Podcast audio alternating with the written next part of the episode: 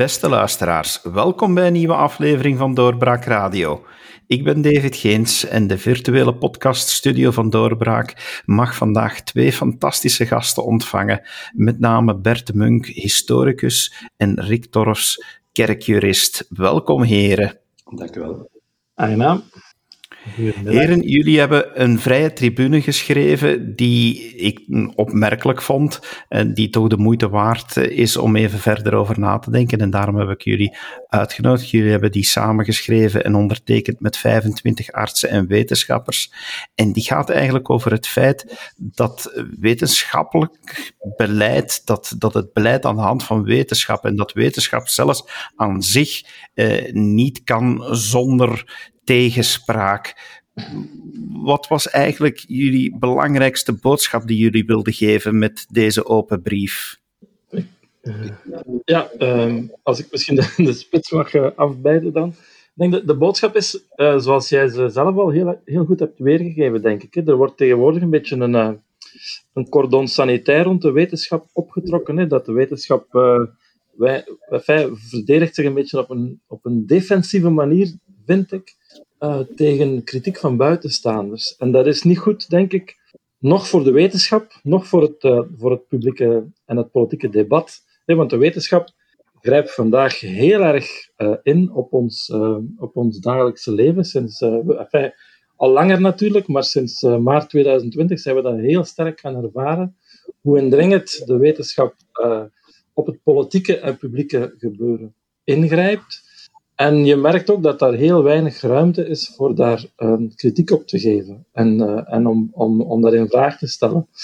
En aangezien heel veel van de politiek echt uh, blijkbaar bijna rechtstreeks voortvloeit uit keuzes gemaakt door wetenschappers, uit wetenschappelijke modellen enzovoort, is het, is het heel belangrijk dat je daar wel over kan debatteren, dat je wel kan vragen stellen als buitenstaander, als burger, uh, als leek ook, of als iemand uit een andere discipline, dat je daar wel vragen over kan stellen.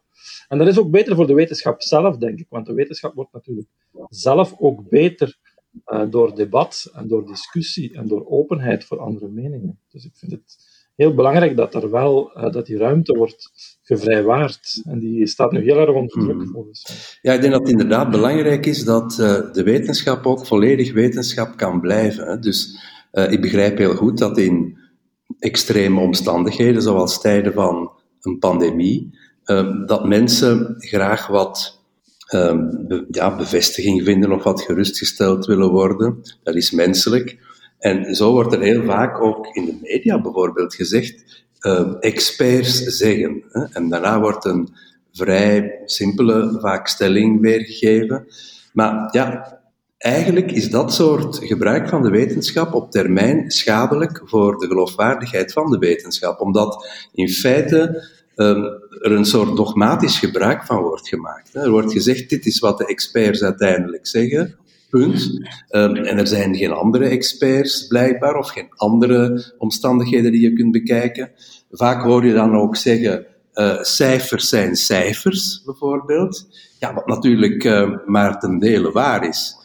Ze zijn in de letterlijke zin van het woord cijfers, maar het blijft heel belangrijk om bijvoorbeeld te bekijken hoe ze tot stand zijn gekomen, welke variabelen in rekening zijn gebracht, eh, in welke mate en zo verder. En ik denk dat het heel belangrijk is voor wetenschappers en dat wij allemaal, iedereen die de brief mee ondertekend heeft, juist heel erg in de wetenschap gelooft, uh, om ervoor te zorgen dat uh, ja, de wetenschap die functie van vraagstelling, verdere analyse, kritiek, blijft uh, vervullen en zich niet voor de wagen laat spannen van mensen die zeer simplistische oplossingen zoeken en tegenspraak willen uitschakelen, terwijl de wetenschap juist het tegendeel zou moeten doen. Wetenschap heeft zo'n beetje eigenlijk een aantal eigenschappen verworven, vind ik, van een religie. In die zin dat bepaalde stellingen niet meer mogen in vraag gesteld worden, terwijl een goede wetenschap betekent toch dat je ook uitgaat van het feit dat je dingen nog niet weet en dus wel moet in vraag stellen. Of vat ik het dan verkeerd samen? Ja, ik denk dat de, ik denk dat de wetenschappers, de betrokken wetenschappers, dat zelf wel beseffen. Hè? Dat, dat, uh, dat er een soort uh, spanning is tussen wat er publiek wordt gecommuniceerd en, en, en dat kadert dan in een, in een politiek en ook een heel erg moreel, moralistisch plan, denk ik. Hmm. En anderzijds dan hoe de wetenschap werkelijk zelf functioneert. Er is een groot spanningsveld tussen die twee, denk ik. En ik denk dat de experts zich daar zelf wel van bewust zijn. Maar het is heel kwalijk dat er naar buiten toe, en ik denk dat de media daar een, een, grote verantwoordelijkheid in hebben, dat er inderdaad naar buiten toe altijd die, die idee wordt gecreëerd dat er wetenschappelijke consensus bestaat. Hè. Wetenschappelijke consensus. Um, er is wel, wellicht wel een wetenschappelijke consensus over de, de ernst van het virus en dat er iets moet gebeuren. Uh, die consensus is er wel, denk ik. Maar over, over ja, nagenoeg alles uh, wat betreft uh, hoe dat dan te benaderen, hoe daarmee om te gaan, hoe daar, uh, welke maatregelen te treffen, over al die deelaspecten is, is helemaal geen wetenschappelijke consensus mhm. natuurlijk. Over mondmaskers. Oh, en, en sinds Ehm, over over uh, scholen sluiten, over grenzen sluiten enzovoort. Daar is helemaal geen wetenschappelijke consensus over. En als je ziet hoe de, de zogenaamde wetenschappelijke consensus het voorbije jaar al is geëvolueerd, heel, heel uh, fundamentele dingen van maart 2020 zijn ondertussen op de schop gegaan. De anderhalve meter waar alles mee begonnen is, is eigenlijk al lang geen, geen had al lang geen stand meer. Hè, sinds het idee dat, dat het virus wordt uh, overgedragen in de lucht via aerosolen. Dat betekent eigenlijk dat die anderhalve meter waar alles mee begonnen is, eigenlijk geen, geen steek meer houdt. Uh, de laatste ontwikkelingen, de laatste uh, bijstellingen van, van de adviezen houden, houden nu ook in dat er, de besmettingen via oppervlakte, dat dat eigenlijk ook heel minimaal is. De, de Amerikaanse richtlijnen zijn daar onlangs aangepast op, door voortschrijdend inzicht, inzicht binnen het wetenschappelijk onderzoek. Dus dat massaal ontsmetten dat we allemaal beginnen doen zijn in voorjaar 2020, dat is eigenlijk ook al iets dat voorbij gestreefd is. Dus alleen op dat, dat ene jaar dat we nu gepasseerd zijn, zijn heel fundamentele inzichten um, overboord gegooid, of zijn we die ondertussen aan het, overboord aan het gooien. Dus dat alleen al toont aan dat, dat, uh, dat die consensus altijd heel wankel is. Ja, en dat is des te meer het geval wanneer men met een uh, nieuw fenomeen te maken krijgt, natuurlijk. Hè. Dus uh, er zijn allerlei verschijnselen in de samenleving die al decennia, misschien zelfs eeuwen worden onderzocht, maar hier komen we in aanraking met een nieuw virus. En ja, dan valt te bekijken hoe dat allemaal uitpakt. En is er inderdaad, zoals gezegd, voortschrijdend inzicht. Maar ik denk dat de wetenschap ook twee dingen denk ik, duidelijk uh, moet voor ogen houden om, om geloofwaardig te zijn. En dat is enorm belangrijk, want wetenschap is natuurlijk van kapitaal belang voor uh, onze samenleving en onze toekomst. Ik denk om te beginnen moet je, en dat uh, heeft collega Lemuna net heel juist gezegd, um, ook goed kijken naar wat moralistische vooronderstellingen zijn aan de ene kant en wat wetenschappelijke punten zijn. Hè. Wat is de moraal, uh, hoe mensen zouden moeten leven en wat is wetenschappelijk dan van belang. Hè. Dus bijvoorbeeld, uh, het is wetenschappelijk niet zo belangrijk dat mensen de regels naleven, maar wel dat de regels op zichzelf effectief zijn. Het eerste is een morele uitspraak, het tweede kan een wetenschappelijke zijn. Ook heel belangrijk is dat er um, heel vaak in de discussie een impliciete ranking is geweest van wat belangrijk is en wat niet voor de bevolking. En belangrijk was dus uh, het bestrijden van het virus. Dat is altijd centraal komen te staan, ook in allerlei cijfers en tabellen. Wat minder meespeelde, of toch minder in de picture kwam, waren elementen zoals psychisch welzijn, economie, misschien de uh, algemene state of mind van een samenleving. Dus het is heel belangrijk dat heel duidelijk wordt gezegd wat men op de eerste plaats stelt, wat op de tweede, hoe men eventueel ja, een mix van uh, allerlei aspecten uh, wil laten doorgaan en zo verder. Dus dat zijn de moralistische en andere vooronderstellingen. Een tweede punt vind ik uh, het, het, methodologische. We merken dat er vandaag toch een wat grotere tweespalt bij de bevolking ontstaat en veel mensen uh, er eigenlijk genoeg van hebben en, en zich beginnen af te vragen, ja, maar wat is dat nu? En er worden zoveel maatregelen genomen en lockdowns, halven of kwart en zo verder georganiseerd, zonder resultaat. Ik denk dat een van de belangrijkste punten is voor een wetenschapper om duidelijk proberen te maken wat hij zeker weet, wat bijna zeker, uh, waarover hij erg twijfelt, welke maatregelen uh, wellicht effectief zijn, welke minder, En dat heb ik ook enorm ehm, gemist. Ik kan misschien één kort voorbeeld geven. Als er wordt gesproken over de zogenaamde versoepelingen, hè, wordt er vaak gezegd, ja, we kunnen uh, die maatregel nemen, of die maatregel, of die maatregel, maar niet alle drie tegelijk, bijvoorbeeld. Wel, dan zou ik graag weten wat het wetenschappelijke effect is van het cumulatieve van die drie maatregelen, die elk op zichzelf dan wel nog haalbaar zouden zijn. En dat zijn dingen waar een wetenschapper ja, moet proberen een antwoord op te bieden. En zo het beleid kan helpen natuurlijk. En ook de wetenschap kan helpen door dat uiterst genuanceerd en kritisch te onderzoeken. Maar zoals jullie zeiden, de media speelt daar een rol in en eigenlijk ook de toehoorders. Want het ligt misschien ook eh, voor een stuk, of het probleem ligt misschien ook voor een stuk bij diegenen die de boodschap ontvangen. Met name dat men de wetenschap als onfeilbaar gaat beschouwen. En dat men dus bij gevolg niet meer kan aanvaarden dat een wetenschapper inderdaad gebruik maakt van voortschrijdend inzicht en terugkomt op eerdere uitspraken. Want dan heeft men meteen zoiets, alles wat die man heeft gezegd is onwaar. Ehm, en de media lijken wel mee te gaan in die pensée unique. Vinden jullie dat niet? Dat, dat ja, wat een wetenschapper zegt moet zo'n vaststaand feit zijn en mag niet veranderen. Ja, dat is, een, dat is een, een, heel, een heel moeilijke kwestie, want in principe zou je als, als wetenschapper inderdaad inkijk moeten geven in de, in de interne keuken, hè, in, de, in de keuzes die je maakt. Hè. Want wetenschappers maken keuzes. Hè. Hoe, waar, waar kijk je naar? Hè? Welke modellen gebruik je precies? Wat stop je in die modellen? Uh, en eigenlijk zou, je, het, zou het publieke debat op zo'n manier moeten gevoerd worden dat je daar ook als, als leek inkijken krijgt. Bijvoorbeeld de, de, de befaamde curves, waar we ook weer in het voorjaar van 2020 mee, mee begonnen zijn. Hè. Die, die exponentieel stijgende curves, en die voorspellingen die voortdurend werden gedaan, die zijn natuurlijk gebaseerd op een aantal aannames. Hè. Een aanname van uh, als je niks doet, en je vertrekt met dit reproductiegetal en je doet niks, dan blijft die curve stijgen tot, tot op dat. En dan krijg je zoveel duizenden of tienduizenden doden enzovoort. Maar er zitten aannames in, zoals de aanname bijvoorbeeld dat het menselijk gedrag zich niet vanzelf aanpast. Die, ik zeg niet dat alle modellen zijn, er zijn wel modellen die met menselijk gedrag ook rekening houden, maar een aantal belangrijke modellen van voorjaar 2020 hielden met die factor geen rekening. Dus gingen ervan uit, als je als overheid niks doet, dan gaat het gedrag van de bevolking zich ook niet aanpassen. Terwijl we ondertussen natuurlijk weten dat mensen wel zich aanpassen als ze goed geïnformeerd worden. Mm. Dus eigenlijk zou je de discussie op zo'n niveau moeten voeren dat ook dat die aannames en die, die vooronderstellingen die in die modellen zitten, dat je die ook open op tafel gooit en dat je die ook ter discussie stelt.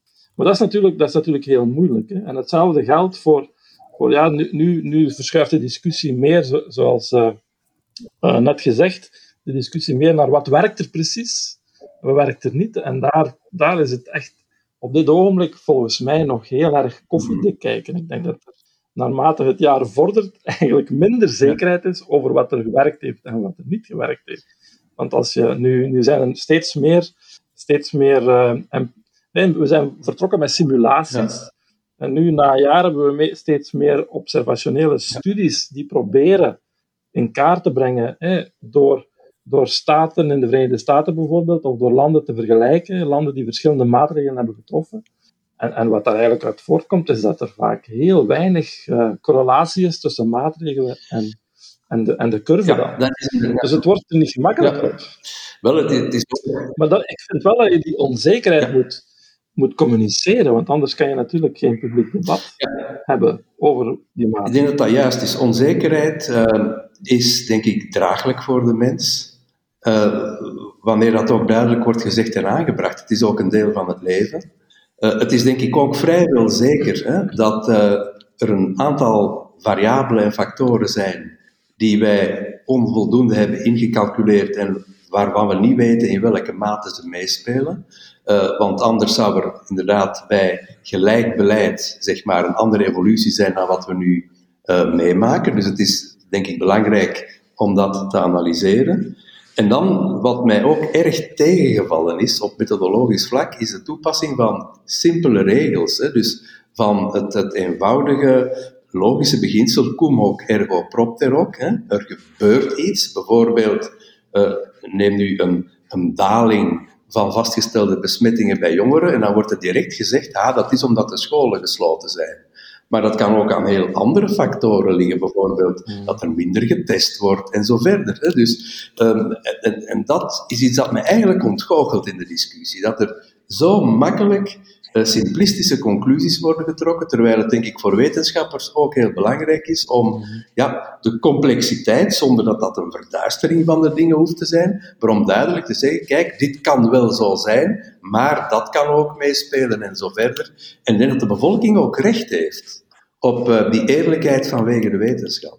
Mm maar meneer Torfs, vindt u dan dat die fout momenteel wordt begaan door wetenschappers zelf? Of is het, eh, het gebrek aan, aan discussie, aan debat eerder te wijten aan de media die daar niet goed mee kunnen omspringen met de onzekerheden die wetenschap eigenlijk met zich meebrengt? Ik denk dat het een samenspel is van allerlei factoren. Een eerste punt is dat wij komen uit een tijdperk, de tijd van voor COVID, waarin wij eigenlijk redelijk sterk de indruk hadden dat wij ons leven grotendeels konden beheersen en dat we veel voor elkaar hadden gekregen.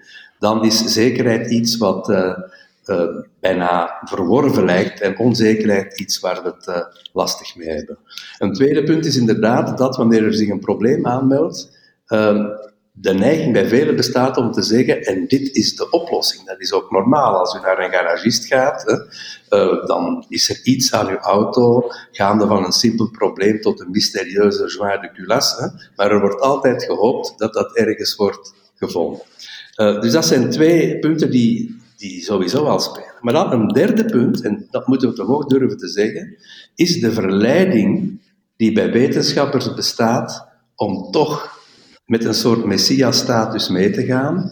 En uh, ja, de verblinding, zeg maar, uh, die daarmee kan gepaard gaan. Dus de verleiding is dan groot om de nodige zelfkritiek en wetenschappelijke rigeur op te geven voor een mogelijke vedette-status en een uh, soort pensée uniek die daarmee verbonden is. En dat vind ik echt iets wat we moeten blijven zeggen en blijven de discussie stellen.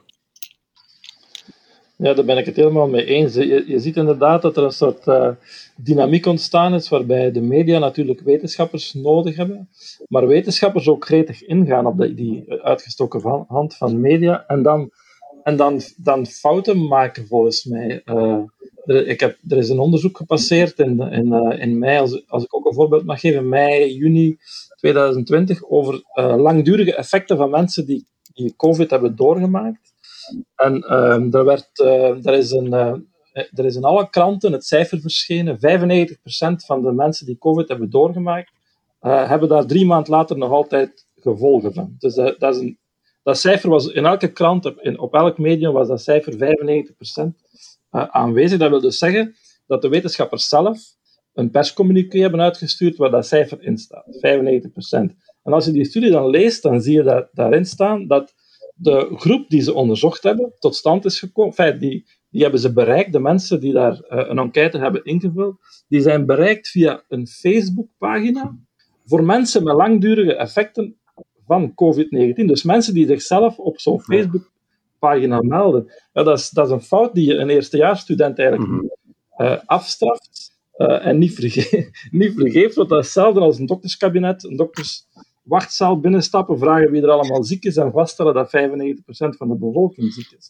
Dus dat soort fouten is wel, is wel gebeurd. En dat vind ik wel heel, heel kwalijk. En dat heeft volgens mij ook te maken met een aantal mechanismen intern aan het wetenschapsbedrijf zelf. Hè? Want wetenschappers zijn heel erg bezig met reputaties, mhm. uh, met impact. Hè? Ze worden beoordeeld op uh, op basis van impactfactoren. Hoe, hoeveel wordt je geciteerd, hoeveel wordt jouw werk gebruikt, hoeveel, hoe, vaak wordt er naar jouw werk verwezen door andere wetenschappers enzovoort.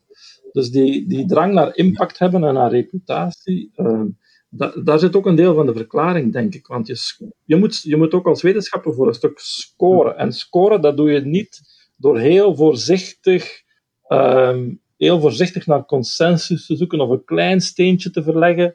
Maar je, je doet dat door, door, ja, door gedurfde dingen te doen, hè, door gedurfde uitspraken te doen. En, de, en, en in de wetenschappelijke wereld werkt nu zo'n beetje, denk ik, dat je, want het is allemaal zeer gepolariseerd, maar eigenlijk binnen de wetenschappelijke wereld zelf zijn er mechanismen ingebouwd die vragen om, om een soort polarisering. Hè, dat je, dat je de, de, de ene consensus uitdaagt met een heel gedurfd ehm, eh, idee dat daar dan diametraal tegenover staat, bijvoorbeeld, om, om toch maar te kunnen. Enfin, ik trek het nu misschien een beetje op flessen, maar er zijn wel mechanismen ingebouwd die ook eens ter discussie gesteld mogen worden, denk ik. En het draait vaak Ik denk dat vaak het raster hè, waarin de wetenschappen moeten functioneren om wetenschappers te laten scoren of financiering te krijgen, dat het raster waarin de wetenschap moet functioneren soms zelf eigenlijk wat antiwetenschappelijk is. Hè.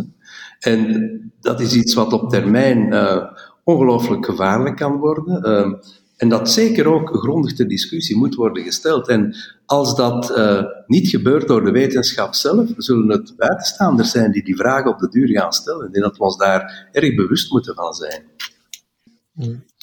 Ja, ja absoluut.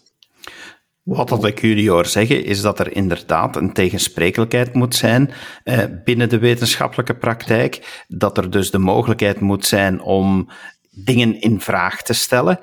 Maar ik hoor wel dan een dubbel pleidooi dat het zowel in de wetenschap zou gebeuren als in de media. Beide hebben nu de verantwoordelijkheid, eh, leren we uit deze crisis, om die tegenspraak mogelijk te maken, om debat mogelijk te maken en om vragen mogelijk te maken. En dat is wat, wat er net gemist wordt. Het feit dat op dit moment andere stemmen te veel gesmoord worden. Want daar gaat jullie oproep toch eigenlijk over.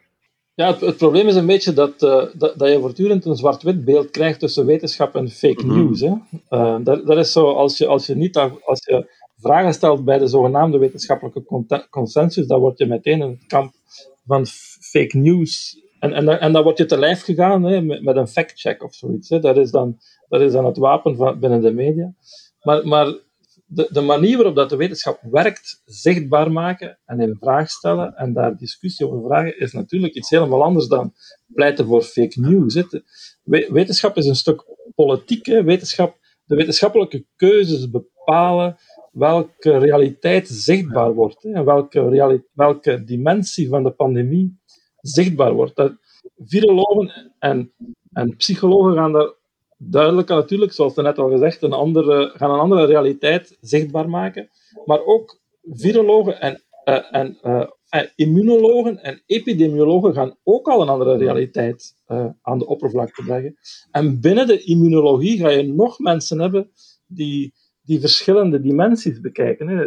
Sommigen gaan kijken naar, naar, naar antistoffen, anderen gaan kijken naar misschien kruisreactiviteit enzovoort, naar die zogenaamde geheugencellen. Uh, geheugencellen. En afhankelijk van waar je kijkt, krijg je eigenlijk een andere politieke boodschap. Want als je kijkt naar kruis- en achtergrondimmuniteit, dan ga je misschien minder de klemtoon leggen op vaccins dan degene die kijkt naar antistoffen enzovoort. Dus dat, dat, is politiek natuurlijk. Dat zijn politieke keuzes. Enfin, alleszins keuzes waar politieke consequenties uit voortvloeien. Dus op, ja eigenlijk moet je, het, niet, moet je het publiek debat op dat niveau kunnen voeren. Ja, inderdaad, een element dat daar volgens mij ook in mee kan spelen, maar we moeten echt dat debat op gang krijgen ergens, hè, is dat bijvoorbeeld een vorm van hyperspecialisatie ook kan leiden tot een verwerping van een holistisch perspectief als onwetenschappelijk. Dus waarbij je zo sterk voelt in je eigen terrein, dat op zichzelf wat op een artificiële manier is afgebakend om er juist sterker in te kunnen worden, waardoor je de verbanden, de dwarsverbanden met andere disciplines die dichtbij liggen of verderaf, weigert als waardevol te bekijken. En dat is echt ook, vind ik, een zwaar methodologisch probleem, waar wij ook zelf als wetenschappers, als anderen niet doen, de discussie moeten over openen. Ja, ja. ik denk dat het belangrijk is dat, dat, dat ook wetenschappers zelf meer gaan nadenken over de politieke consequenties van de keuzes die ze maken. En, en, en, en, en denken, nadenken over de vraag welk mensbeeld daar eigenlijk achter schuilt. Effectief uh, hoog dringend nodig, volgens mij. Dat is inderdaad een vraag die jullie ook duidelijk gesteld hebben in jullie brief de vraag: willen we alle belangrijke beslissingen overlaten aan een groep wetenschappers en opiniemakers, hebben jullie eraan toegevoegd, die geen tegenspraak dulden? Dat is dus de vraag die wij ons als publiek ook moeten stellen eh, en, en durven voorop komen om te zeggen van kijk, wij willen dat toch echt wel, dat er eens dingen in vraag worden gesteld en dat ja, ik kijk altijd graag eerst naar, naar, naar mezelf als deel van, van ah, de hele grote groep media en opiniemakers. Maar om toch die verantwoordelijkheid die wij dan ook hebben, om, om durven andere stemmen aan het woord te laten. Dat, dat is echt een, een belangrijke vraag uiteindelijk. Ja. Ja, ik denk dat het, algemene probleem van, van bij het begin, hè, de, de, de eerste stemmen die, uh, die kritiek hebben laten horen, hè, Lieven Annemans, Matthias de Smet enzovoort. En nu laatste aanleiding van onze brief was uh, Sam Brokken. Die mensen zijn, zijn niet, denk ik, uh, zijn, zijn, uh, zijn publiek verketterd um, en zijn publiek eigenlijk aan de, aan de schandpaal een beetje genageld of zijn alleszins geframed Ehm, en dat is niet met wetenschappelijke argumenten gebeurd, maar met morele argumenten. Hè. Die mensen zijn moreel veroordeeld en niet wetenschappelijk veroordeeld, denk ik. Daar komt het een beetje op neer. We, zijn, we zijn in een situatie beland hè, waarbij je, waar, waarbij je een, logica van we zijn in oorlog uh, en, in een oorlogssituatie geef je geen kritiek op het vaderland. Hè. Dat is zo'n beetje de, de, de sfeer, denk ik. Hè. De 11 miljoen de ploeg van 11 miljoen mensen, je mag daar geen kritiek op geven. En dus dat, dat zijn morele oordelen en geen wetenschappelijke oordelen natuurlijk die je dan uitspreekt. Het merkwaardige is dat natuurlijk ook Galilei destijds uh, werd veroordeeld op andere gronden dan wetenschappelijke. Hè? Dus um, dat soort morele verwerpen en zo is denk ik van alle tijden. En in die zin denk ik dat daar eigenlijk uh, weinig voortschrijdend inzicht is gekomen. Wel misschien over allerlei aspecten van COVID en zo verder, maar niet over de onderliggende antropologische gegevens die enorm spelen in, dit, in, dit, in deze discussie. En waar inderdaad op tegenargumenten vaak werd gereageerd met kwaadheid en morele verontwaardiging en het disqualificeren van mensen die via een andere invalshoek ook hun bijdrage wilden leveren. Dat vind ik inderdaad bijzonder beangstigend. En ik moet zeggen, ik ben daar ook wat van geschrokken ook wel van geschrokken dat dat zo ver is kunnen gaan, dat de media daar zo ver zijn in meegegaan en dat de wetenschappers zelf daar in zo beperkte mate um, eigenlijk in het verzet zijn gegaan. Ik vind dat dat nu wel gebeurd is, maar bijvoorbeeld onze brief, vind ik, heeft al met al toch niet zo'n geweldige weerklank gehad. Daar had uh, een grotere discussie kunnen mee gestart worden. Wel, we merken dat voorlopig uh, de Vlaamse pers daar blijkbaar nog niet rijp voor is erg dat je zoiets moet zeggen, maar dat is wel mijn gevoel. En dan moeten we echt iets aan doen om die mogelijkheden te vergroten. Absoluut, ja. Wel, heren, dan ben ik blij dat ik jullie aan het woord heb gelaten en dat we hiermee misschien toch een aftrap kunnen geven aan dat debat. Ik ben alleszins blij om vast te stellen eh, dat, eh, dat jullie eh, vragen om debat en tegenspraak en dat sommige van de namen die jullie genoemd hebben ook al namen zijn die hier, eh, of personen zijn die hier al aan bod zijn gekomen in de podcast. Dus eh, wij blijven alleszins proberen om mee te zorgen dat verschillende meningen aan het werk eh, kunnen gaan. En ik wil jullie nog heel hartelijk danken dat jullie de tijd hebben genomen om eens een ander geluid te laten horen. Dank je wel daarvoor. Graag gedaan. Bedankt voor de uitnodiging. En u, beste luisteraar, u merkt het, tegenspraak, andere meningen, het blijft belangrijk om ook goed onderbouwd zelf uw mening te kunnen vormen. En daar zullen wij blijven bij helpen. Dus blijf afstemmen op onze podcast en lees regelmatig op onze website eens die anders, die anders luidende meningen, want het is toch zo verrijkend. Dankjewel en graag tot een volgende keer. Dag. Dit was een episode van Doorbraak Radio de podcast van doorbraak.be. Volg onze podcast op doorbraak.be/slash radio of via Apple Podcasts, Overcast of Spotify. Bezoek ook onze website op doorbraak.be en steun ons door een vriend te worden van Doorbraak.